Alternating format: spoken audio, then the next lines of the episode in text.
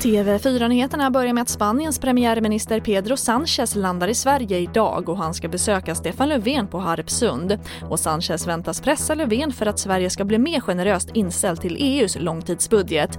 Det krävs ett enhälligt beslut om budgeten från EUs samtliga medlemsstater och Sverige tillhör de länder som håller hårt i pengarna.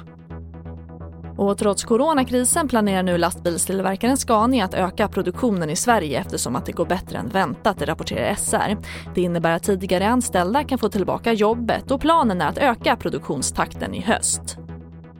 Och allt fler föräldrar oroar sig för sina barns spelberoende. Dataspelsakuten som bland annat hjälper barn och unga med dataspelsberoende får nu 200% fler samtal från oroliga föräldrar än innan coronapandemin.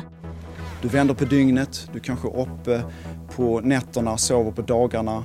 Sen kan det vara antisociala beteenden och sen också att ökad skärmtid kan leda till att hjärnan blir väldigt passiv, att, att vi blir väldigt trötta och lata.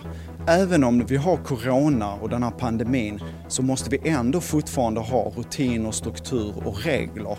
För barn mår bra utav att ha det, annars blir det bara kaos. Och det sa alltså Patrik Vincent, terapeut och skärmberoende expert som också får avsluta TV4-nyheterna. Jag heter Charlotte Hemgren.